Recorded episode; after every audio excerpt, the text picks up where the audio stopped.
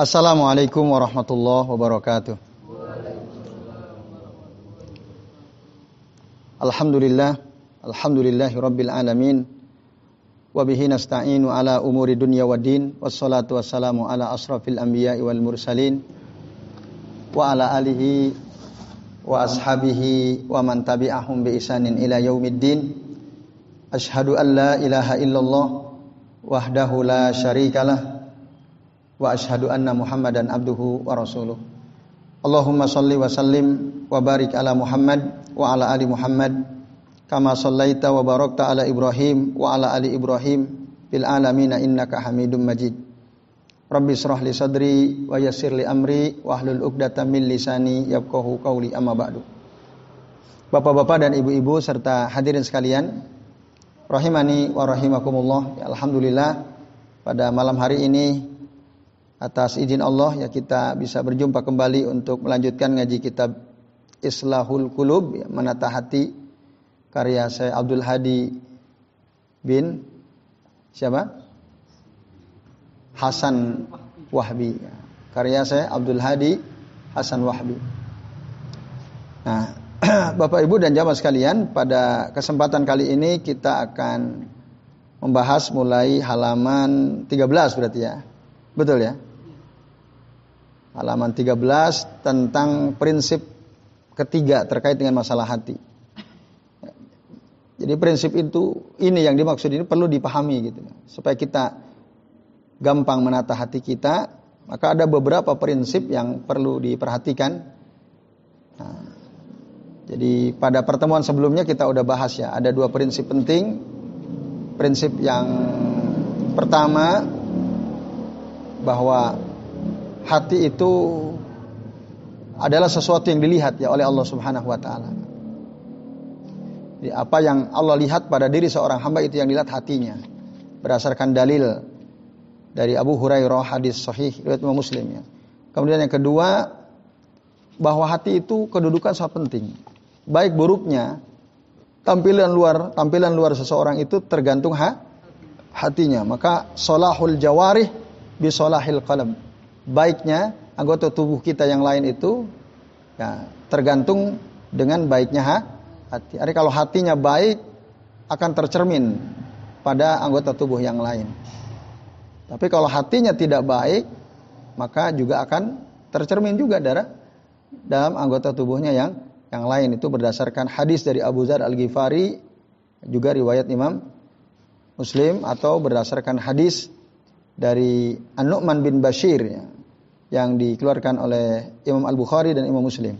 Nah, sekarang kita akan membahas prinsip yang ketiga yang harus kita pahami terkait dengan hati ya. Bahwa al-qalbu kasirut taqallub. Hati itu gampang sekali berubah-ubah sering berubah-ubah. Ini perlu ya kita pahami. Agar kita waspada gitu, hati-hati dengan hati itu. Hati-hati dengan hati. Harus hati-hati dengan hati.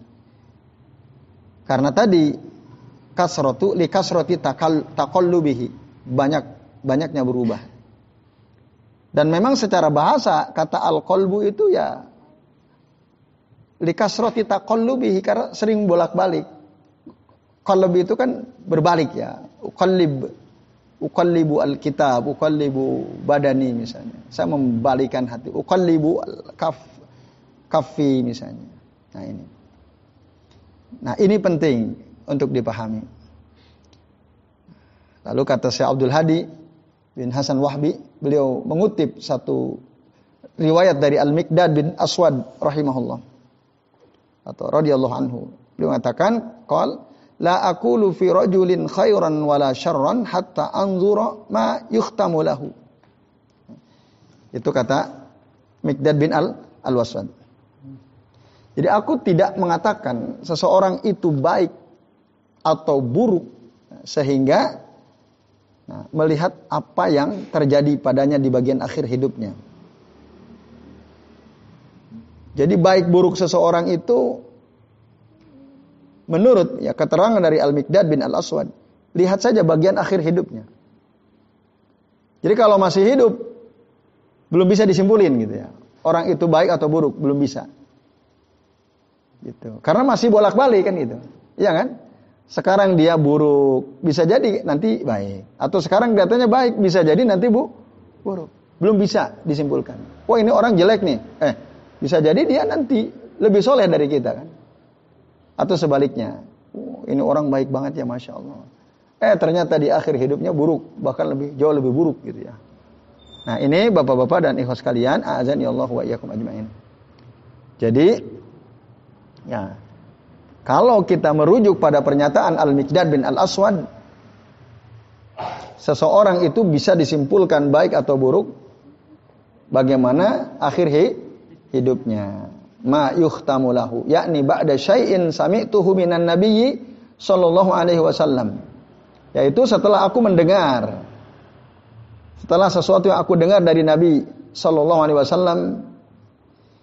Lalu beliau ditanya, "Wa ma itu apa yang telah kau dengar dari Nabi?" Qal itu Rasulullah sallallahu alaihi wasallam yaqul, "Aku pernah mendengar Rasulullah sallallahu alaihi wasallam bersabda, la qalbu bani Adam asyaddu inkilaban minal qidri idza ijtama'at ghadya." Gitu. Jadi hati manusia anak Adam itu asyaddu inkilaban lebih cepat terbaliknya ya lebih cepat berbaliknya minal qidri ijajtama'at ghalya daripada al qidr qidr itu tempat memasak air ya ya periuk yang apabila airnya itu men, mendidih itu kata Rasulullah sallallahu alaihi wa alihi wasallam nah. Wa ma'lumun suratu harokatil kidr. Sudah diketahui Memang periuk itu cepat berubah kalau mendidih gitu ya. Dan ini merupakan permisalan yang sangat baik yang disampaikan oleh Nabi Sallallahu Alaihi Wasallam dan ya permisalan yang mendekatkan kita untuk bisa memahami hati kita ya. Sehingga Nabi mengumpamakan hati itu bagaikan ya, hati itu apa? Lebih cepat berbaliknya, berubahnya daripada periuk tadinya.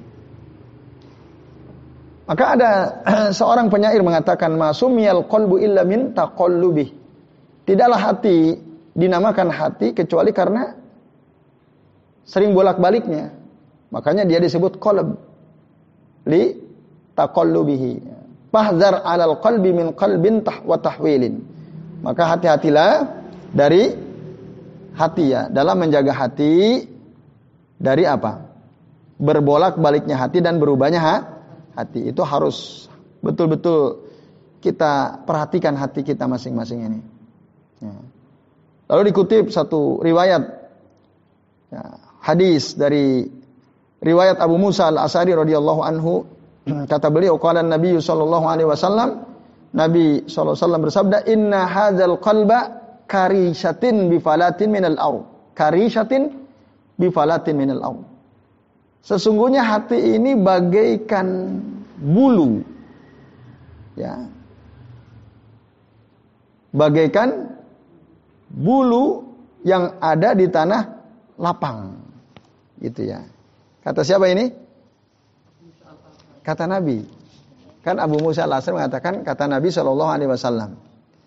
Ya. Jadi bagaikan sehelai bulu yang ada di tanah lapang yang tandus bifalatin minal ard yukimu harrihu zuhran libatinin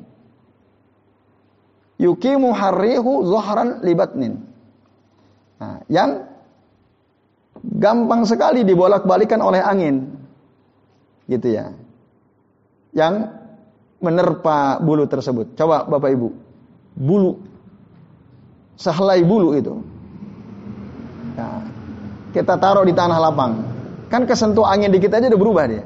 Ya atau tidak? Boro-boro angin, kita gerakan kaki aja set berubah dia.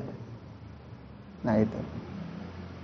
Itulah hati kata Nabi Shallallahu Alaihi Wasallam.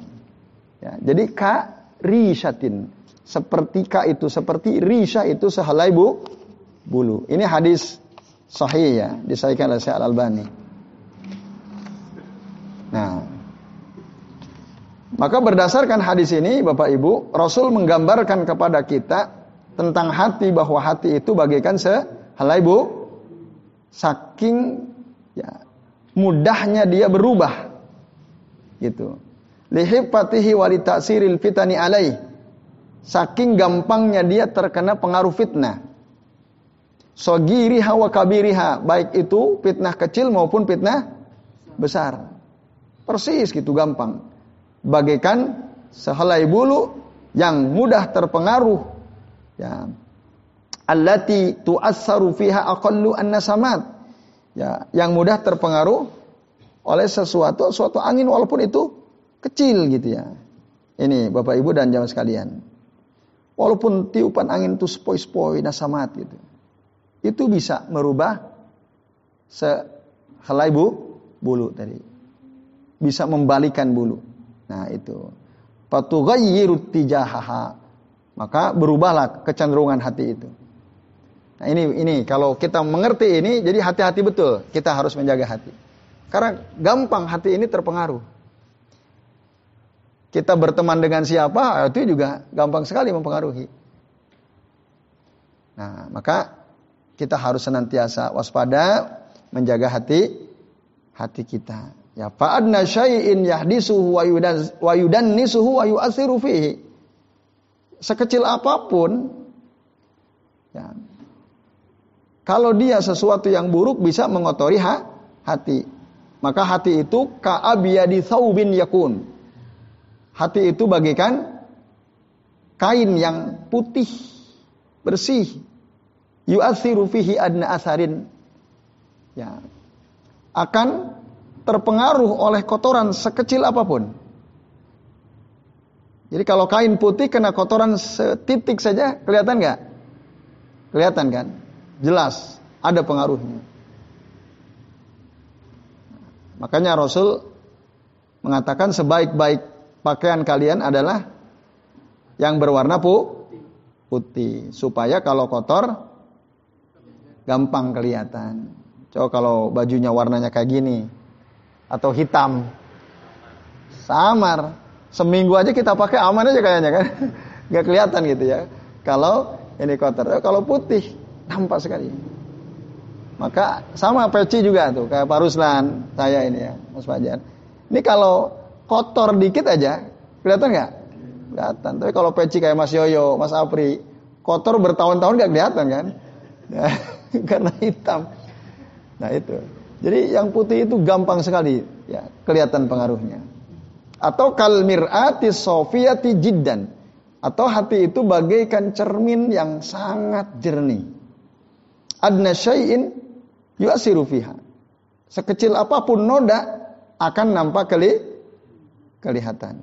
Nah, ini Bapak Ibu dan jamaah sekalian, ya azani Allah wa iyyakum ajmain. Nah, walihada oleh karenanya tusawwisuhul lahdhatu wal lafdhatu wasyahwatu al khufiyah. Jadi hati itu akan dihinggapi ya oleh kekacauan, kebingungan gara-gara hanya apa? Ya, pandangan ya mata atau ucapan satu kata atau bahkan dengan syahwat yang ringan itu bisa kacau hati itu. Maka jangan anggap remeh tuh mata kita memandang sesuatu yang haram, itu pengaruhnya luar biasa itu. Terhadap hati kita. Tadinya gampang zikir gara-gara kita lihat yang haram, susah zikir. Tidak nikmat baca Quran. Apa sebab? Mata kita nggak kita jaga. Karena apa? Mata berpengaruh kepada hak hati. Itu. Nah ini Bapak Ibu dan jamaah sekalian ya. Begitu juga U ucapan, sahwat yang ringan, kalau diikuti, nah itu akan sangat berpengaruh kepada hati kita. Jadi ini, ini prinsip ketiga. Jadi hati itu gampang bolak-balik, oleh karenanya kita harus terus menjaga hati. Ya. Nah, kalau kotor langsung bersihkan. Caranya dengan berzikir, beristighfar. Itu. Langsung perbanyak istighfar. Kadang-kadang kan ada ya, sesaat gitu ya pandangan kita, ucapan kita, syahwat kita yang kita ikuti. Nah, itu langsung astagfirullahaladzim. Astagfirullahaladzim. untuk membersihkan. Maka kata Nabi, atbi isayyatal hasanah wa atbi asayyatal hasanah tamhuha. Ikutilah keburukan itu dengan keba supaya bisa menghapus tamhuha. Karena kebaikan yang kita lakukan setelah keburukan itu bisa menghapus. Wa atbi isayyatal hasanah tam tamhuha. Dalam hadis sahih Nabi mengatakan demikian. Itu caranya ya. Jadi kalau kita tahu hati kita ini gampang bolak-balik, gampang terpengaruh, ya, gampang terkotori saat terpengaruh buruk, kena kotoran. Cara yang terbaik kalau kita kembali kepada hadis Nabi adalah ya diikuti dengan keba kebaikan. Kebaikan itu yang paling gampang ya. Tadi kalimat thayyibah, zikir, istighfar, seterusnya. Jadi ini Bapak-bapak, ibu-ibu dan ikhwas kalian. Itu prinsip yang ketiga. Nah, sekarang prinsip yang keempat, al-aslur rabi, prinsip hati ya yang keempat. Al-qalbu urudatun lil fitan. Jadi hati itu sasaran fitnah. Nah, sasaran godaan syai syaitan. Jadi syaitan itu kalau mau menggoda kita hati kita tuh yang disasar. Makanya yang diperhatikan Allah adalah hati. Karena yang jadi sasaran itu hati, panglima tubuh. Anggota fisik tubuh kita itu panglimanya kan hati. Ya, ala inna fil jasadi mudgotun kan. Ketahuilah sesungguhnya dalam jasad kita ini ada segumpal daging gitu kan. Ida soluhat soluhal jasadu kulluhu wa ida fasadat fasadal jasadu kulluh. Kalau baik segumpal daging itu maka baiklah seluruh fisik kita. Tapi kalau dia rusak, rusaklah semuanya. Ala wahya al qalbu kata Rasul. Ketahuilah dia adalah ha, hati. Nah, jadi hati yang disasar fitnah itu hati. Dalam hadis yang sahih riwayat Imam Muslim dari Hudzaifah Ibnu Yaman radhiyallahu anhu kali mengatakan, qala Rasulullah sallallahu alaihi wasallam tu'radul fitanu 'alal qulubi ka'ardil hasiri 'udan 'udan. Jadi fitnah, godaan syaitan itu, ya, Bapak Ibu dan sekalian, ya, itu akan dinampakkan kepada hati-hati, hati-hati para hamba, alal kulub, ya, hati manusia. Ka'arudil hasiri udan udan. Nah, seperti ya penampakan sebuah tikar yang dianyam sehelai demi se sehelai. Artinya kalau kita buat tikar itu kan dianyam ya. Anyaman tikar itu rapat atau tidak? Rapat kan. Artinya bertubi-tubi gitu loh. Maksudnya itu. Godaan syaitan itu dinampakkan kepada hati manusia secara bertubi-tubi, hampir tidak ada jeda gitu. Setiap saat, sat, sat, sat, sat, sat. Gitu. Terus, nggak berhenti berhenti itu maksudnya. Fitnah, ya, yang ada, yang menyasar hati kita. Tiap saat. Entah kita di jalan, entah kita lagi sholat, entah kita lagi zikir, entah kita lagi baca, buka WA dan seterusnya, buka handphone dan seterusnya. Ada saja godaannya. Lagi zikir juga ada loh. Eh kamu telat nanti. Usah suwe-suwe. Zukar zikir, zukar zikir. Cepat udah bangun. gitu kan gitu. Itu godaan sebenarnya. Capek-capek kamu zikir, tidur tidur. Nah, itu, itu lagi zikir loh. Apalagi buka HP, wah, udah itu godaan bablas itu. Itu yang dimaksud udan udan kal hasir itu. Kal hasir udan. Terus bertubi-tubi, nggak ada berhentinya gitu. nggak ada berhentinya. Mau tidur aja ada itu. Udah niat, ah saya mau tidur baca doa. Nah, setan bilang, baca doa, tidur aja tidur, baca doa repot-repot. Pernah nggak kayak gitu? Akhirnya nggak berhasil kita kan? Udah disiapkan sebenarnya. Saya mau baca doa ini, baca doa ini, baca surah ini, surah ini, surah ini. Tahu-tahu bless aja tidur udah. Tahu-tahu Allahu Akbar, Allahu Akbar, udah subuh. Nah, Capek. Ah, ya Allah. Udah nggak berdoa. Mau tidur pas bangun azan. Kayaknya kok capek dan dingin banget ini. Ah, sudahlah, lanjutin dikit lagi gitu. Pas bangun, eh orang udah pada bubar dari masjid kan. Wah itulah. Ya, jadi terus bertubi-tubi. Hati itu akan digoda oleh syai syaitan. Kal ud, kal hasir dan udan. Nah ini, ini Bapak Ibu dan jamaah sekalian ya. Kita harus paham ini. Jadi godaan syaitan tidak akan pernah berhenti. Fitnah tidak akan pernah berhenti. Dia akan terus selalu ada bagaikan anyaman sebuah tikar yang dianyam sehelai demi sehelai. Maka fa'ayu qalbin usribaha. Nah, nukitat fihi nuktatus sauda. Maka mana saja hati yang menerima godaan syaitan itu akan ada bintik di dalam hati tersebut bintik hi, hitam. Nah, jadi kalau kita ngikutin godaan syaitan tuh, ada bintik hitam, tes, tes, tes gitu. Itu bahaya, maka jangan ikuti tuh. Fitnah itu jangan diikuti. Resikonya ngeri. Jadi hitam hati kita. Awalnya mungkin cuma setitik, setitik, setitik, setitik. Ya, lama-lama habis. Makanya lasogiro bil la la asagairu bil istimrar walal kabair bil istighfar gitu ya. Tidak ada dosa kecil yang jika dilakukan terus-menerus. Wah ini kan dosa kecil, cuman lihat tok. Kecil ini dosanya. Ilah kalau dilakukan terus-menerus, nggak ada itu. Akhirnya habis hati kita. Walal kabair au la kabiro ma istighfar. Lal kabair ma istighfar. Tidak ada dosa besar kalau selalu kita ikuti dengan is istighfar. Nah ini maka istighfar memang. Itu bapak-bapak dan ibu-ibu serta ikhwas sekalian ya. Wa ayu qalbin angkaroha, tapi sebaliknya kalau siapa saja hati ya yang mengingkari godaan syaitan tersebut nukitat fihi nuktatu nuktatun bayudo. Nah, kalau kita mengingkari setiap godaan syaitan yang datang kepada kita, maka akan ya ada bintik tapi bintik pu, putih ya.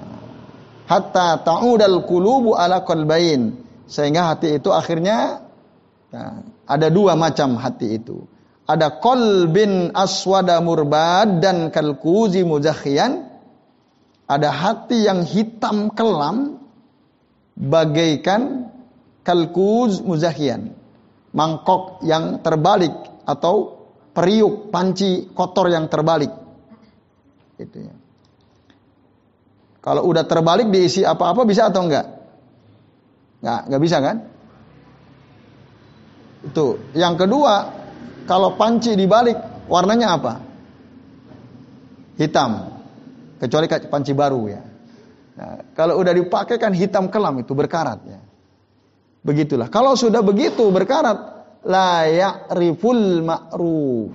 La ya'rifu ma'rufan wala yungkiru mungkaran dia tidak lagi bisa mengetahui mana yang baik dan tidak bisa mengingkari yang mungkar.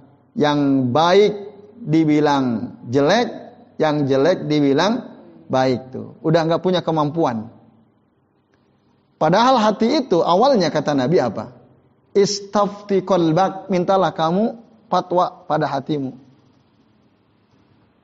Jadi hati itu aslinya ya sesuatu yang kita bisa meminta fatwa kepadanya. Kalau hati bersih, oke okay tuh. Tapi sayangnya hati bisa berubah jadi kok kotor. Nah ini, andai kata hati kita ini bersih, bening, kita bisa kok mengetahui ini baik atau buruk dengan cara bertanya pada hati sen sendiri itu. Kalau bersih. Tapi tadi, ya sayang hati itu bisa menjadi kok kotor. Kalau udah kotor tadi, iki api orang ya api-api padahal sebenarnya enggak kan karena kotor gitu dia nggak tahu nggak bisa bedain mana yang ma'ruf mana yang mungkar itu bapak ibu dan jam sekalian illa ma usriba min hawahu wa qalbin abyad fala tadurruhu fitnatun madamati samawati wal ard madamati samawati wal ardu ya. Nah, jadi hati yang tidak tahu yang ma'ruf dan mungkar itu ya ialah kecuali hati yang apa? mengikuti hawa nafsu hawa nafsunya ya atau yang godaan itu diterima oleh hawa nafsunya. Sementara yang kedua adalah hati yang bersih, putih. Maka kalau hati itu bersih la tadurruhu fala tadurruhu fitnatun nah, tidak akan berbahaya baginya fitnah selama masih ada langit dan bumi. Kalau kita terus ingkari, ingkari, ingkari gitu, tidak kita ikuti godaan syaitan itu, maka hati kita akan bening, bersih, ya, tidak akan bisa tergoda selama masih ada langit dan bumi gitu ya. Nah, bapak-bapak dan ibu-ibu serta iwas sekalian,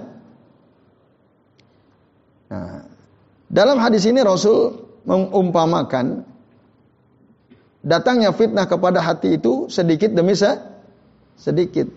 Bagaikan anyaman sebuah tikar sehelai demi se sehelai. Ya.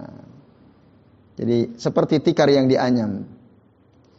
Dan berdasarkan hadis ini bahwa hati itu terbagi menjadi du dua dalam menghadapi fitnah itu.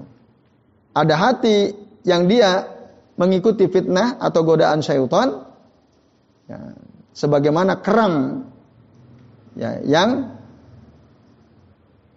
mendapatkan air ya kama yusrabu as-safanjul ma'a ya.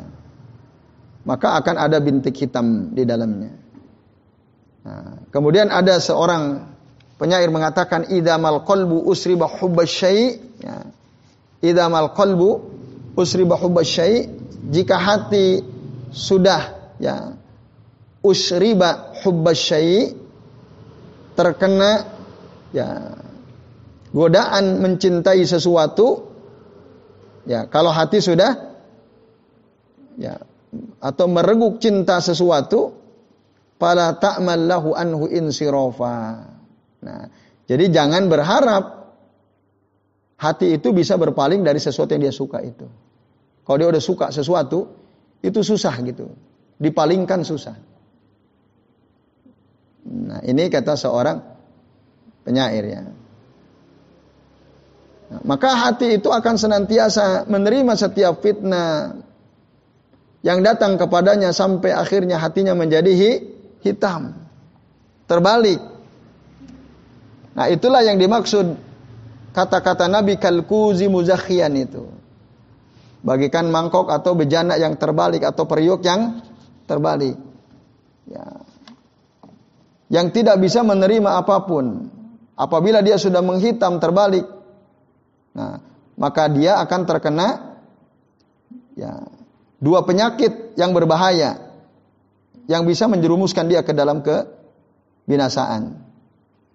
Apa itu penyakit yang berbahaya? Satu penyakit subhat atau kesamaran istibahul ma'ruf alaihi bil munkari. Fala ya'rifu ma'rufan wa la yunkiru munkaran kebaikan jadi samar, nggak jelas baginya. Bahkan kebaikan di dalam pandangannya menjadi seperti kemungkaran. Ya, dia tidak tahu yang ma'ruf, tidak bisa mengingkari yang mungkar. Nah, itu bapak-bapak dan ibu-ibu serta jamaah sekalian, azan ya Allah wa yakum ajmain. Nah, jadi bahaya kalau sudah begini. Nah, bahkan disebutkan di sini Warubbama stahkama alaihi hadal maron. Bisa jadi justru penyakit ini yang menjadi penentu gitu ya. Yang mengendalikan hatinya hatta ya'taqidal ma'ruf wa munkaran. Sampai dia meyakini yang ma'ruf itu mungkar, yang mungkar itu ma ma'ruf. Wah itu bahaya banget tuh.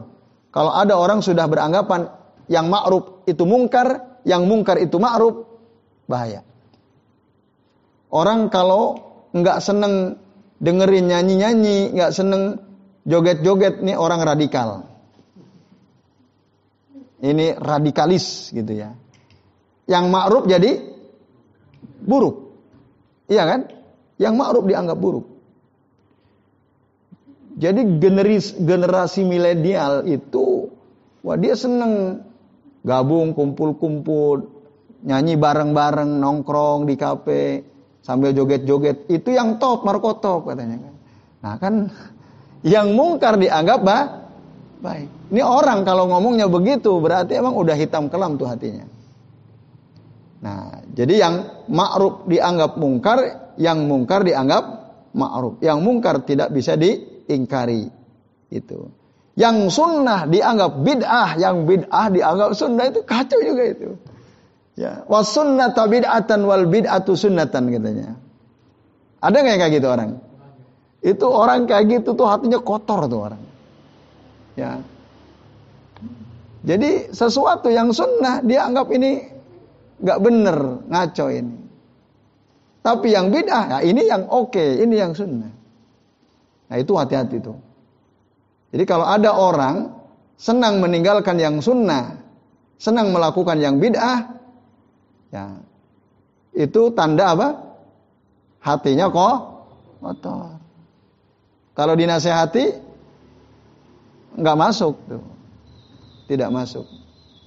Nah ini ya, oh dia ustadz kok yang ngomong, berarti ustadz hatinya kotor. Ustadz yang hatinya kok kotor, benar itu. Kalau yang bid'ah dia anggap sun, sunnah. Yang sunnah dia anggap bid, bid'ah. Nah, wal haqqo batilan wal batil haqqan. Yang hak dianggap batil, yang batil dianggap benar gitu. Yang benar dianggap batil, yang batil dianggap benar. Ini kebalik-balik itu. Muntakis tadi. Jadi qalbuhu muntakis, hatinya itu terbalik-balik. Itu hati yang sudah kok kotor. Nah, ini Bapak-bapak dan ibu-ibu ya serta jamaah sekalian, hati-hati ya. Jadi kalau kita udah merasa seperti itu, oh berarti itu hati kita kotor. Ya, masa sih ini kan baik ini, itu ya. Masa dianggap bid'ah? Nah, berarti orang yang ngomong gitu gimana tuh hatinya? Ini kan baik ini, kok dianggap bid bid'ah? Nah, itu berarti kotor. Kan gampang banget. Sesuatu yang dianggap sunnah itu ya sesuatu yang ada tuntunannya dari roh Rasul SAW. Kalau enggak ya beda gitu. Gampang. Gak usah masasi-masasi. Oh, masasi-masasi. Oh, jelas ada dalilnya kok. Ini jelas gak ada dalilnya. Gak ada dalilnya tinggalin. Yang ada amalkan. Udah. Gak usah tanya masa sih ini baik disebut beda. Nah, itu kalau orang masih tanya-tanya begitu, padahal dalil sudah jelas berarti hatinya kotor hatinya. Ya ini Bapak Ibu dan sekalian. Maka Abdullah bin Mas'ud radhiyallahu anhu mengatakan halaka man lam ya'rif qalbuhul ma'ruf. Binasalah orang yang tidak tahu hatinya kebaikan. Wa yunkiru qalbuhul munkara.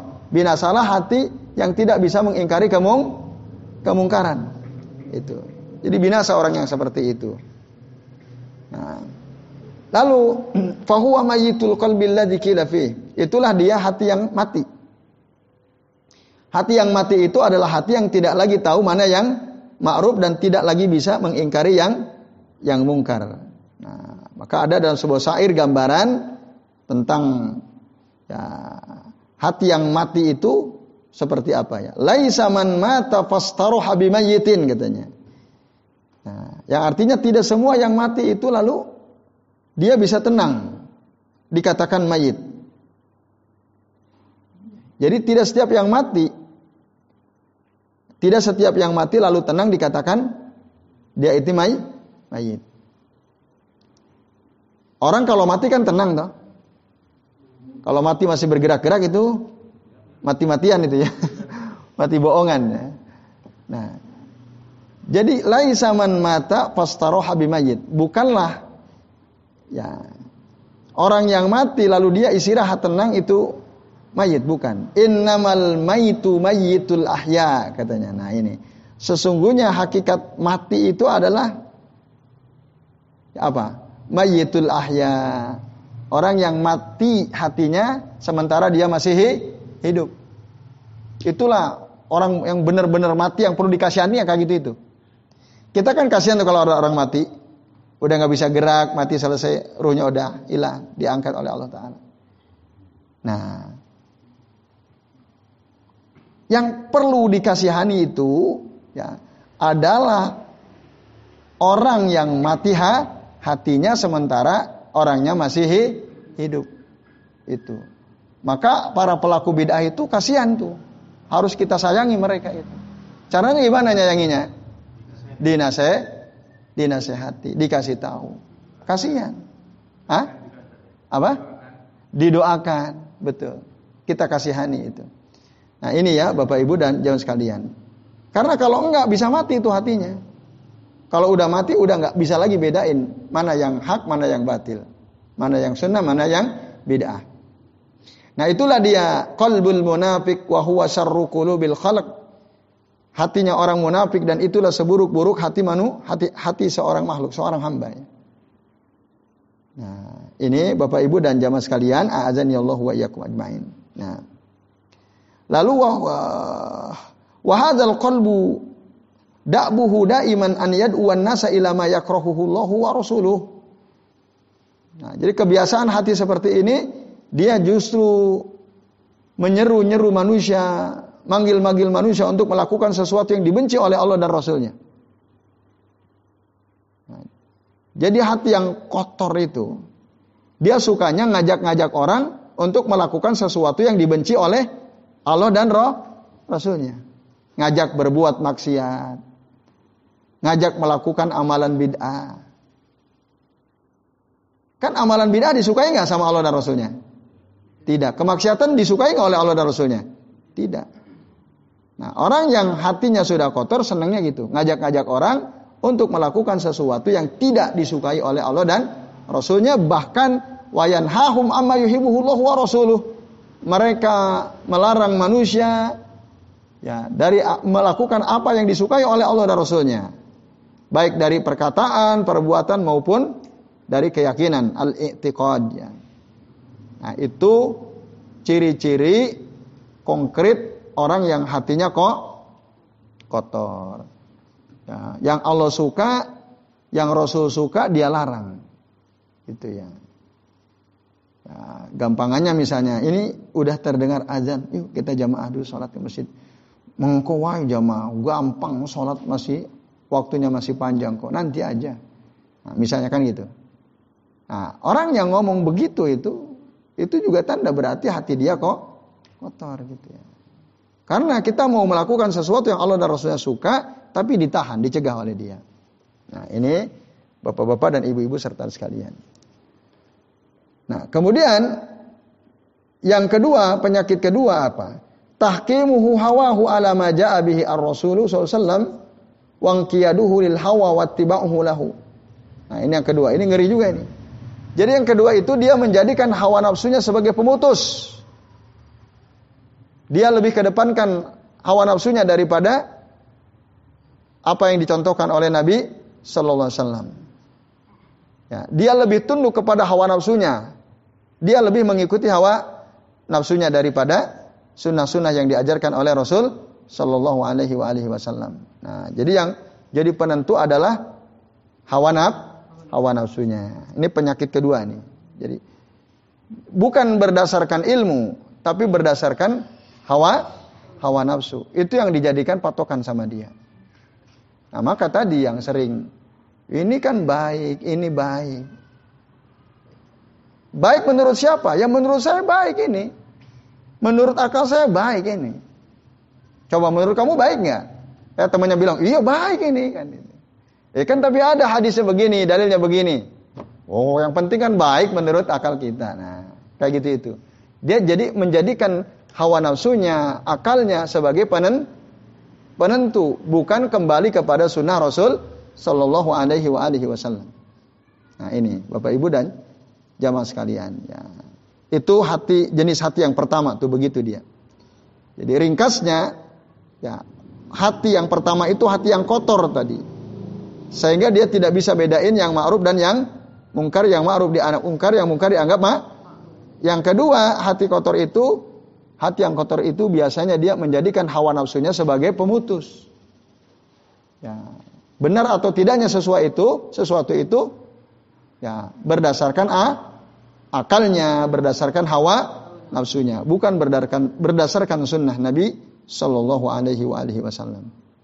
Bahaya ya. Kemudian hati yang kedua adalah hati yang putih, tahu mana yang hak, menerima gampang menerima yang benar, dia menyukai kebenaran. Nah, itu. Itu hati yang kedua yang bersih gitu ya. Ini Bapak-bapak dan ibu-ibu serta hadis kalian, azan ya Allah wa iyyakum. Jadi ya, ya kalau hati bersih ini ya, dia mendahulukan hak di atas yang lainnya ada cahaya keimanan dalam hatinya, ya, terang, ya, hat, menerangi hatinya bagikan lampu gitu ya. Ketika ada godaan syaitan dinampakkan ke dalam hatinya, ada fitnah dia ingkari, dia tolak, maka bertambahlah cahayanya, bertambahlah kekuatannya, bertambahlah sinarnya. Ini hati yang putih. Ya. Maka fitnah yang datang menggoda hati-hati manusia itu itulah yang menjadi sebab sakitnya hati. Hiya asbabu maradiha. Nah, fitnah itu ada dua, ada fitnatu au fitanu syahawat wa fit wa fitanu syubuhat. Au fitnatu syahawat ada fitnatu asyubuhat. Nah, ada fitanul ma'asi wal bidah Hadani aslu da'il khalqi illa afahullahu ta'ala. Jadi Bapak Ibu dan jam sekalian, fitnah itu secara garis besar ada dua. Ada fitnah syahwat, ada fitnah sub syubhat. Fitnah syahwat itu ngajaknya ke berbuat maksiat. Ya, kesenangan. Fitnah syubhat itu disebabkan karena kejahilan. Karena dia tidak punya ilmu. Akhirnya gampang mengamalkan perbuatan-perbuatan bid'ah yang tidak dituntunkan oleh Rasulullah SAW. Berarti orang yang seperti itu kena fitnah sub, syubhat. Ya, dia nggak ngerti yang benar mana. Gitu. Yang sesuai sunnah mana. Karena karena fitnah syubhat orang yang seperti itu. Nah, inilah ya aslu da'il khalq. Penyakit manusia yang paling prinsip ya ini. Fitnah subhat dan fitnah syah, syahwat. Itu. Kecuali yang dijaga oleh Allah Subhanahu wa taala. Nah, fitnah subhat itu apa diterangkan? Imma bi'tiqadi khilafil haqqi alladhi arsalahu Allahu bihi rasulahu wa anzala bihi kitabahu Fitnah subuhat itu bisa jadi adanya keyakinan yang menyelisihi kebenaran. Yang mana Allah mengirim Rasulnya dengan kebenaran itu. Jadi dia meyakini sesuatu yang bertentangan dengan kebe kebenaran yang disampaikan oleh Nabi SAW dari Allah Subhanahu Wa Taala, yang diturunkan oleh Allah ya kepada Rasulnya dalam kitabnya. Maka orang yang bertentangan kelakuannya, keyakinannya dengan kebenaran yang dibawa oleh Nabi dari Allah, dengan kebenaran yang ada dalam kitabnya, nah, berarti orang tersebut kena fitnah sub syubhat. Kalladhi yanfi ulu wallahi alal arsh katanya. Seperti orang yang menafikan ketinggian Allah Ta'ala di atas aras. Ada nggak Ustaz yang ngomong? Kalau kita bilang bahwa Allah itu istawa ala arsyihi, summa stawa alal ars. Kemudian Allah beristiwa di atas ars. Kita katakan Allah tinggi zat maupun sifatnya dan Allah itu ada di atas ars. Terus ada orang ngomong, "Oh enggak. Allah itu enggak di atas enggak bersemayam tapi Allah menguasai ars." Bukan Allah bersemayam di atas ars. Ada nggak yang ngomong gitu? Ada. Allah itu bukan di atas. Kalau Allah di atas berarti Allah butuh tempat. Allah itu ada tapi Allah tanpa tem tempat. Allah itu wujud bila makan. Allah itu bukan di atas aras tapi Allah menguasai aras katanya. Istaula bukan istawa. Berani dia merubah-rubah firman Allah Ta'ala. Berani dia melakukan tahrif terhadap ayat-ayat Allah Subhanahu wa Ta'ala. Sehingga dia dengan sangat tidak punya etika merubah apa yang Allah tegaskan untuk dirinya. Allah bilang istawa alal arus, dia bilang istau istaula. Maka orang yang seperti ini berarti dia hatinya kena fitnah subhat. Oh kan ilmunya luas. Meskipun ilmunya luas. Setiap kita berpotensi terkena fitnah sub subhat. Hati-hati. Meskipun mungkin bacaannya banyak, ilmunya luas. Syaitan kan tidak henti-henti, terus dia maka kalau ada orang mengatakan sesuatu yang menyelisih Al-Quran dan Sunnah, berarti dia kena fitnah sub, subhan. Wa imma bitta'abbudi bima lam ya'dam bihillah. Atau dia beribadah kepada Allah dengan sesuatu yang Allah sendiri tidak mengizinkan. Wahyal bid'ah ala ikhtilafi anwa'iha. itulah dia amalan-amalan bid'ah, perbuatan-perbuatan bid'ah dengan beragam bentuknya. Dia mengamalkan sesuatu yang tidak diizinkan oleh Allah Subhanahu wa taala, yang tidak dicontohkan oleh Rasul sallallahu alaihi wasallam. Nah, itu juga termasuk terkena fitnah sub syubhat. Maka hati-hati. Jadi kalau ada orang nasihati kita, eh antum jangan lakukan itu loh. Lakukan apa? Karena sunnahnya tidak demikian.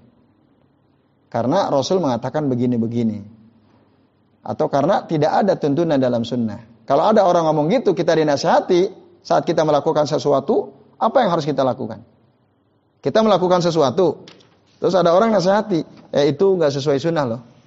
Nggak pernah ada riwayat yang menyatakan bahwa Rasul melakukan sesuatu yang kau lakukan. Ada orang ngomong begitu, apa sikap kita seharusnya ketika mendengar ada teman kita ngomong seperti itu? Nah, yaitu kita terbuka menerima dan rujuk kepada kebenaran yang dia sampaikan itu.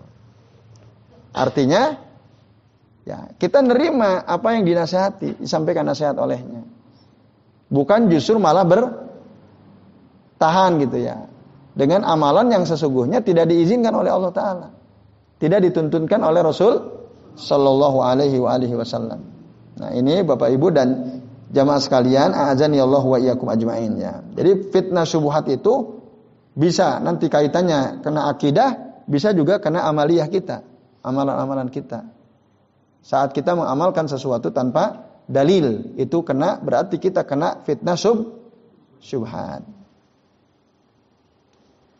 Wa amma fitnatu syahawat, sementara fitnah syahwat itu an yuhibba syahawatil muharramah. Kita menyukai sesuatu berdasarkan syahwat padahal itu ha haram. Mislu az-zina, as-sariqa wa syurbil khamr wal ghibah wan namimah seperti ya kita mencintai senang sama perzinahan senang mencuri senang minum khamr senang menggibah senang mengadu domba dan seterusnya nah, orang kalau dia senang melakukan sesuatu yang dilarang oleh syariat berarti dia terkena fitnah syah syahwat Nah, orang yang seperti itu berarti ada penyakit dalam hatinya. Ya. Maka di dalam Al-Quran surah Al-Ahzab ayat 32 Allah Ta'ala berfirman, Fala takhda'na bil kaul. Eh istri-istri Nabi. Ini ini khitabnya istri Nabi ya. Janganlah engkau melirihkan, merendahkan ucapanmu itu. Ya. Falyatma alladhi fi qalbihi marad. Nanti orang yang dalam hatinya ada penyakit, penyakit syahwat, nah, dia terpancing gitu ya. Itu. Wal billahi taala. Kita memohon perlindungan kepada Allah Subhanahu wa taala. Jadi orang yang hatinya ada penyakit tuh gampang ngikutin syah syahwat. Bapak Ibu dan jemaah sekalian, azani Allah wa iyyakum ajmain.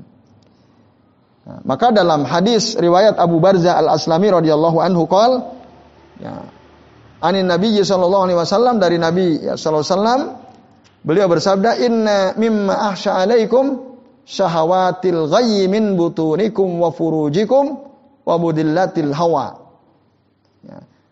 Ya. Sesungguhnya di antara yang paling aku takutkan atas kalian ya adalah apa? Sahawatil ghayyi, keinginan-keinginan buruk min butunikum dari perut-perut kalian wa furujikum dari kemaluan kemaluan ka, kalian wa mudillatil hawa ya wa mudillatil hawa dan kesesatan-kesesatan hawa naf hawa nafsu. Itu yang paling ditakutkan oleh Rasul sallallahu alaihi wasallam hadis akhrajahu Ahmad disahihkan oleh Syekh Al Albani rahimahullah. Nah, maka ngikutin syahwat, ngikutin hawa nafsu itu adalah huwadaul usot. Penyakit para pelaku mak maksiat. Orang yang senang berbuat maksiat berarti dia itu adalah pengikut syah syahwat. Sementara wattiba usubuhat orang yang suka mengikuti perkara-perkara subuhat wa huwa daul mubtadi'ati wa ahlil ahwa. Itulah penyakit para ahli bid'ah. Para pengikut hawa nafsu. Itu. Ya, jadi orang yang ngikuti perkara subhat nggak jelas gitu. Kok diikutin? Nah, itulah penyakit besar para pelaku bid'ah dan para pengikut hawa nafsu yang suka berdebat gitu ya. Ini Bapak Ibu dan jamaah sekalian, azan ya Allah wa iyyakum ajmain. Berarti orang-orang tersebut dia kena penyakit syub syubhat. Lalu dia ngikutin syubhat tadi. Ini penyakit bahaya ya. Penyakitnya para pelaku bid bid'ah. Faqalla man tajiduhu fasidal. Maka sedikit sekali orang yang engkau temukan dia rusak akidahnya, rusak keyakinannya illa wa fasadu illa wa fasadu taqadihi azharu fi amalihi. Kecuali kerusakan akidahnya dia, keyakinan dia itu, rusaknya akidah dia itu akan nampak dari perbu perbuatannya. Nah, gitu gitu. Orang ya yang akidah asma wasifahnya, tauhid asma wasifahnya rusak, bisa dipastikan ya, akan nampak kelihatan dari amal perbuatannya. Akidahnya rusak, katakanlah akidah asma wasifah gitu ya. Dia nggak menerima kalau dibilang Allah itu ada di atas aras. Dia nggak menerima kalau dibilang Allah itu turun ke langit dunia di sepertiga malam terakhir. Dia nggak terima. Itu akan kelihatan nanti dari amalannya gitu. Maka ada beberapa ustadz itu yang masyur. Ya ketika dia rusak secara akidah tauhid asma wa sifat, maka perkataan-perkataan dia itu juga jadi rusak yang berkaitan dengan amaliyah ya. Itu. Sesuatu yang sebenarnya tidak sesuai sunnah. Malah dia bela gitu. Karena apa? Berangkat dari rusaknya akidah dia. Nah, maka penting Bapak Ibu dan jauh sekalian ya kita perbaiki terus akidah kita. Tambah ilmu-ilmu yang berkaitan dengan masalah akidah kita. Sekali kita melenceng amal sebab menyebabkan amal kita jadi melenceng juga dari sunnah itu. Jadi nggak boleh dianggap remeh itu masalah akidah. Nah, karena tadi wa kasiran ma yajtami'ani faqalla man tajiduhu fasidat fasidal i'tiqad illa wa fasadu i'tiqadihi yadharu fi amalihi. Sedikit sekali orang yang engkau temukan dia rusak akidahnya kecuali pasti rusaknya akidah dia akan nampak pada kerusakan amal dia. Gitu. Amalnya juga jadi rusak. Nah, fahadani huma aslu kulli syarrin wa fitnatin wa bala'in. Nah, inilah dia dua perkara ya yaitu fitnah subhat dan fitnah syah, syahwat. Pangkal segala kebu keburukan pangkal fitnah pangkal bala.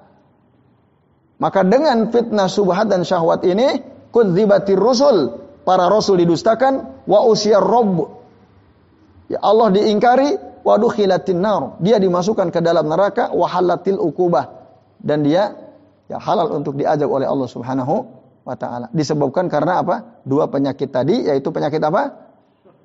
Ah, penyakit fitnatu asyahawat dan fitnatus syubuhat. Fitnatus syubuhat. Nah, barakallahu fikum. Ya, saya kira cukup ini dulu ya. Dua prinsip penting ya yang perlu sama-sama kita ketahui, kita pelajari ya. Jadi apa tadi? Prinsip ketiga hati itu gampang bolak-balik balik bagaikan sehelai bu bulu. Yang yang kali keempat apa tadi? Nah, hati itu gampang atau senantiasa di nampakkan kepadanya fit fitnah atau godaan-godaan syai syaitan. Dan fitnah paling besar secara garis besar ada berapa? Fitnah apa itu? Fitnah syahwat dan fitnah apa yang contoh fitnah syahwat? Berbuat maksiat. Apa contoh fitnah subuhat? Berbuat bid bid'ah. Tidak sesuai tuntunan. Ini. Jadi saya kira ini Bapak Ibu dan jamaah sekalian ya. Maka kalau ada orang mengamalkan suatu amalan tidak sesuai tuntunan Rasul Shallallahu Alaihi Wasallam, berarti dia terkena fitnah sub subhat. Cara menyembuhkannya gimana? Hah? Kalau terkena fitnah subhat, cara menyembuhnya gimana? Hah? Cara penyembuhannya gimana? Hadir ke majelis il, ilmu. Itu. Untuk menghilangkan minat syubhat itu hadir ke majelis ilmu. Gimana Pak? Ah. Ah. Kata orang ilmunya tinggi gitu ya. Ah. Iya. Nah, iya contoh itu, Pak. Itu contoh konkret ya. Ada orang yang dianggap berilmu ting tinggi, apalagi punya pesantren megah, muridnya ribuan gitu ya. Ditangkap juga akhirnya sekarang katanya. Benar nggak ditangkap katanya? Oh, belum ditangkap ya. ya. Ah. Nah, itu. Maka orang yang seperti itu yang ngomong ngasal, ya tidak sesuai tuntunan Rasul, berarti orang itu bukti konkret kalau dia itu kena fitnah sub syubhat. Ah, uh, ngerasa benar itu pak, itu contoh konkret tuh. Yang jenengan sebut itu dia orang yang terkena fitnah syubhat tuh. Nauzubillahi min dzalik ya. Kita berlindung kepada Allah Taala dari keadaan seperti itu. Nah, hadan Allah wa iyah. Semoga Allah memberikan petunjuk kepada kita semua dan juga kepada dia itu ya. Nah, yaitu itu itu contoh betul sekali ya. Itu termasuk salah satu contoh orang yang terkena fitnah syub syubhat. Nah. Boleh aja, silakan yang lain kalau masih ada pertanyaan. Gimana? Biasanya kalau orang udah kayak ahli bid'ah itu ngeyel gitu, ah. merasa benar itu. Mm -mm. Jadi gimana mau ngaji yang benar kalau dia udah punya ngeyel dulu keyakinan yang salah gitu ya. Ah. Iya, kalau kita kita melihat ada teman kita, keluarga kita seperti itu, ya betul Pak Samsul. Didoakan ya. Didoakan dan ajak dia ke majelis il, ilmu. Biar nanti bisa berdiskusi, bisa bertanya dan seterusnya. Tapi emang ada ya, ada salah satu kami pernah ngisi majelis, satu majelis rutin, ya, rutin kajiannya rutin, pekan sekali. Jadi salah satu pesertanya itu ada min ahlil bid'ah mendebat terus ya. Saya belum selesai ngomong udah didebat.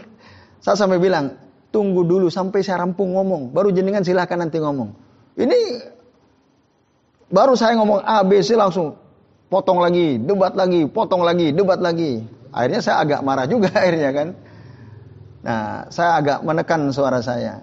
Kalau begini terus, jenengan nggak akan pernah bisa mendengar keterangan saya yang tuntas. Maka tolong dengarkan dulu saya bilang. Nanti saya udah rampung silakan dengan ngomong. Saya sampai ngomong seperti itu, agak agak neken gitu saya ngomong. Nah, jadi dia nggak terima kalau amalan yang sama ini dia lakukan itu dianggap bid'ah gitu loh. Dia nggak terima. Wah ini kan dari kiai, ini kan dari orang yang ilmunya tinggi. Nah, masa istilah sampean masih muda ngomong budah bidah gitu kan? Nah, nggak terima. Akhirnya pertemuan berikutnya nggak mau hadir lagi itu udah bubar udah ya. Nah itu kalau di majlis itu dia panas gitu, mendengarnya itu panas. Nah itu. Sebenarnya udah sama temannya udah diajak, ayo hadir yuk ke majelis gitu, supaya nanti bisa bertanya gitu. Tapi ya tadi, ketika dinasehati, disampaikan, nanyanya itu bukan nanya ingin tahu, tapi nanyanya untuk mempertahankan keyakinan dirinya. Itu namanya ta'anud kayak gitu itu. Itu yang ya mazmum tercela tuh. Nanya tapi untuk mempertahankan keyakinan dia yang keliru. Itu ta'anud. Nah, itu yang dikecam ya. Pertanyaan yang seperti itu yang dikecam ya. Kalau nanya ya pengen tahu yang benar gimana, yang sesuai dalil seperti apa. Harusnya kan begitu. Ini enggak dia bertahan gitu. Dan dia kencang juga gitu bertahannya itu. Nah akhirnya saya tanya kok dia nggak ada lagi. Wah, udah nggak seneng katanya. oh ya sudah. Berarti memang ya itu yang kayak gitu udah susah masuk tuh. Itu kalku muzakian tuh ya. Udah terbalik gitu ya. Udah nggak bisa masuk. Dzalik ya. Kita berlindung kepada Allah dari keadaan seperti itu misalnya. Kan kasihan gitu. Tapi yang lain-lain karena memang merasa selama ini ikut-ikutan gitu. Di kampung ada amalan begini ikut. Ada orang ngajarin dapat dari YouTube begini ikut. Terus pas hadir di majelis tanya, ini sebenarnya bagaimana Ustaz? Sesuai tuntunan atau tidak? Nah, ketika dia udah mulai tanya gitu, udah kebuka tuh. Oh enggak, ini enggak ada tuntunannya. Karena begini-begini. Yang benar dalilnya seperti ini seterusnya. Oh kebuka, kebuka. Nah kayak gitu, itu semakin rajin tuh. Semakin alhamdulillah gitu saya dapat pencerahan, saya dapat ilmu. Jadi selama ini saya mengamalkan sesuatu hanya ya ikut eh ikutan kata Ustadz Pulan begini, Kiai Pulan begini. Saya nggak pernah peduli ada dalil atau tidak. Yang penting ya ada apa tokoh ngomong begini ya saya ikutin gitu. Nah setelah sekarang saya tahu ya, ini yang yang terbuka ya. Alhamdulillah saya selalu berusaha bahkan mempertanyakan pada diri sendiri ketika saya mengamalkan amalan ini ini sebenarnya ada nggak dalilnya? Saya tahu nggak dalilnya kan gitu. Kalau bapak ibu kita sudah sampai pada level itu ya mempertanyakan setiap amalan yang kita lakukan ini ada dalilnya atau tidak, itu bagus sekali sudah. Nah, itu awal yang sangat penting supaya apa? Untuk melangkah ke kebaikan yang besar ya, yaitu beramal senantiasa berdasarkan il, ilmu, harus senantiasa berdasarkan ilmu. Nah, gitu. Nah, saya sering sampaikan di majlis-majlis gitu. Bapak Ibu kan mungkin punya amalan rutin ya yang biasa jenengan lakukan. Atau setidaknya melihat ada teman-teman, keluarga ya atau jamaah di masjid kita sholat gitu yang rutin mereka melakukan satu amalan. Kalau nggak diri kita sendiri kan orang lain ya kita lihat. Nah kita tanya bertanya tuh pada diri sendiri. Ini ini sebenarnya ada nggak ya dasarnya? Ada nggak ya dalilnya? Saat kita bertanya begitu pada diri sendiri, nah itu kebaikan luar biasa itu kebaikan yang sangat agung. Berarti kita termasuk orang yang al ilmu qoblal amal, yang berusaha berilmu dulu sebelum ber, beramal. Enggak usah membela-bela diri, karena ada sebagian ustaz ya orang awam kau udah ikut aja gitu. Orang awam sudah ikut saja. Bahkan sayang sekali ya ada pernyataan seorang ustaz masyhur ya. Dia bilang jadi orang awam itu walaupun ditunjukin dalilnya dia nggak nggak nyampe katanya. Dia nggak nyampe. Loh, kok nggak nyampe? Justru tugas kita menyampaikan dalil. Kalau nggak nyampe ya kita sampaikan dalil. Bukan karena kita memandang di awam udah nggak usah pakai dalil. Nggak nyampe kan salah berat itu, salah besar itu. Itu Ustaz ini terkenal sekali ya. Dia ngomong begitu itu dalam salah satu ceramahnya itu. Dalam salah satu omongan dia ya. Jadi orang awam itu ya disampaikan dalil juga nggak nyampe katanya. Nanti juga disebutkan nggak ngerti, disebutkan misalnya kitabnya rujukannya juga nggak paham, jadi udah nggak perlu dalilnya mana dalilnya mana gitu. Ya harusnya sebelum kita sebelum seorang ustadz itu menyampaikan satu hal ya yang akan disampaikan kepada jamaah, dia harus berusaha ya memberitahu dalilnya apa kan gitu. Supaya orang yang dia anggap awam itu jadi ngerti. Jangan justru oh, udah biarin awam biar gampang ditipu dalam tanda kutip kan gitu. Gampang dibohongi kan? Jangan. Harus diberitahu ini loh dasarnya. Amalkan ini karena dalilnya ini. Amalkan ini karena Rasul bersabda seperti ini. Nah, kalau bisa gitu jangan nunggu ditanya gitu. Kan beliau bilang kurang lebih kan ngomong begini. Kalau kita tanya mana dalilnya? Nggak sopan itu katanya nggak etis. Jadi kalau ada jamaah tanya kepada seseorang ya, seorang ustadz atau kiai atau seorang yang memberikan fatwa, lalu dia tanya dalilnya mana? Menurut beliau ini nggak sopan katanya. Ini nggak sopan. Ya kalau caranya kurang ajar emang nggak sopan kan? Oh maaf, kiai, pak ustadz, dalilnya mana coba dalilnya? Ah itu nggak sopan baru. Nah, kan tergantung caranya. Kalau dia apa pak kiai, apa ustadz yang tadi antum sampaikan itu ada dalilnya enggak ya? Kalau ngomongnya begitu, sopan nggak kira-kira? Ya sopan.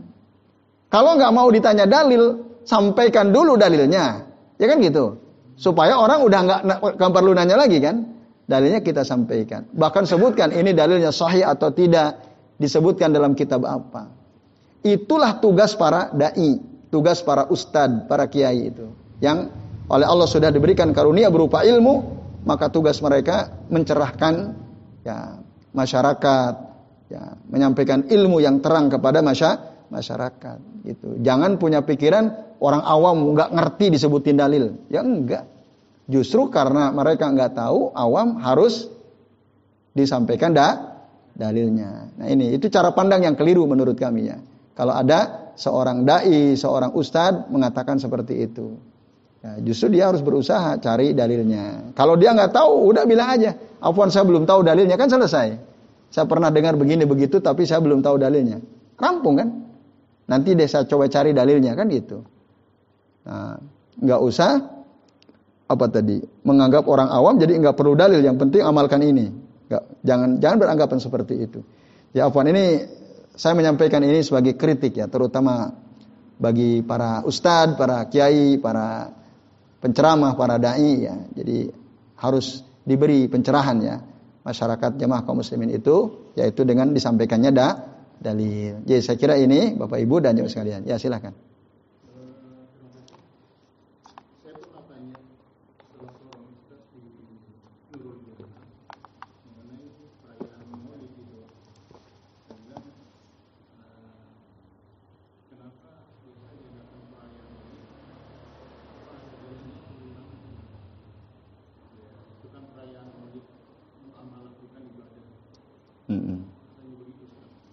Katanya begitu. Ah. Karena itu muamalah maka nggak apa-apa boleh gitu. Ya.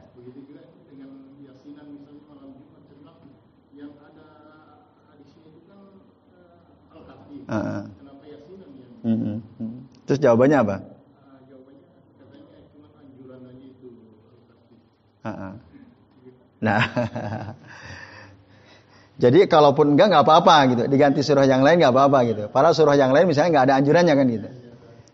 Nah itu contoh, ya, itu contoh konkret ya. Kalau dia itu terkena fitnah subhat, fitnah subhat. Karena clear Maulid misalnya tadi kan. Apa betul itu murni muamalah? Enggak.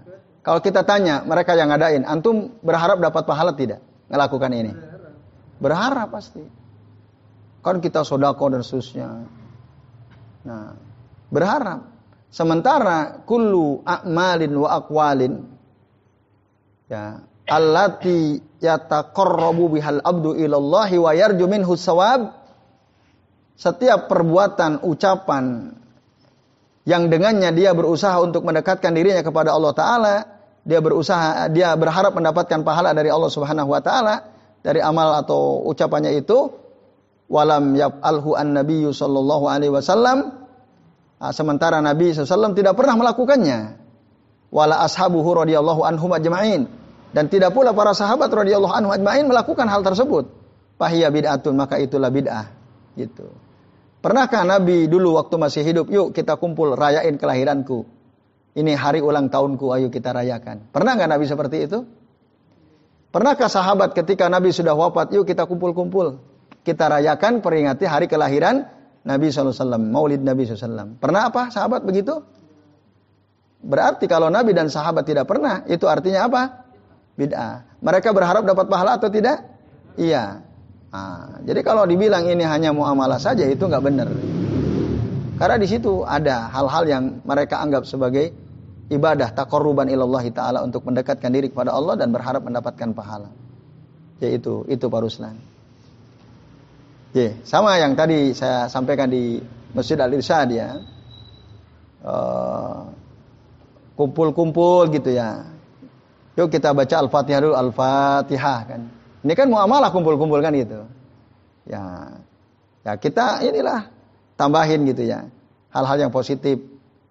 Dengan kita awali surah membaca surah Al-Fatihah, nanti kita akhiri dengan membaca surah Al-Fatihah. Rampung yuk Al-Fatihah. Bubar. Nah, muamalah kan kumpul. Iya, dulu pernah nggak Rasul kumpul-kumpul? Pernah nggak? Rapat Rasul pernah? Apakah ada dalil yang mengatakan Rasul sebelum rapat ngajak dulu para sahabat untuk baca Al-Fatihah? Apakah pernah setelah rampung rapat, yuk kata Rasul kita baca Al-Fatihah? Enggak. Yang dilakukan oleh Nabi sesuai sunnah adalah ketika memulai rapat dengan memuji-muji Allah Ta'ala. Menyanjung-nyanjung Allah Subhanahu Wa Ta'ala. Membaca sholawat. Itu. Dan yang apabila majelis selesai ditutup dengan apa? Membaca doa kafaratul majelis, bukan alfa al-Fatihah gitu. Itu. Ya, jadi kembali saja kepada sun sunnah. Jadi kalau itu diartikan muamalah ya enggak. Enggak murni muamalah. Walaupun mungkin ada unsur muamalah jual beli dan seterusnya ya. Tapi di situ ada juga unsur yang mereka anggap itu ibadah. Oleh karenanya itu termasuk perbuatan bid bid'ah ya, ngadakan acara perayaan kelahiran hari kelahiran Nabi Shallallahu alaihi wasallam. Kemudian yang kedua ya sama aja tadi. Dalil yang ada bahwa yang dianjurkan untuk dibaca pada malam Jumat atau hari Jumat itu surah Al-Kahfi. Walaupun ada beberapa hadis yang lemah memang ya, tapi ada juga hadis yang sahih disahihkan oleh Syekh Al-Albani di antaranya misalnya. Maka itulah yang kita ikutin. Ngapain kita milih sesuatu yang tidak ada tuntunannya?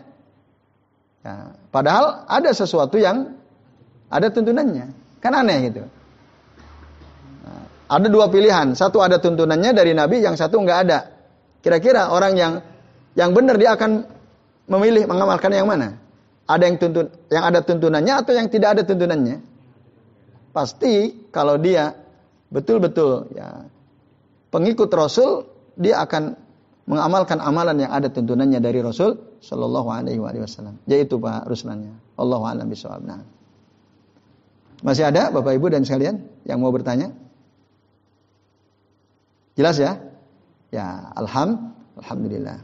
Ya, semoga Allah buka pintu hati kita ya untuk menerima kebenaran dan untuk ya menjauhi segala macam kemaksiatan yang merupakan ya buah dari fitnah syahwat dan semoga juga Allah memudahkan kita untuk meninggalkan segala bentuk amalan-amalan yang tidak ada tuntunannya dari Rasulullah SAW yang itu merupakan amalan bid'ah sebagai buah dari fitnah fitnah syubhat. Ya semoga Allah mudahkan kita untuk menjauhi itu semua. Amin ya Allah ya rabbal alamin.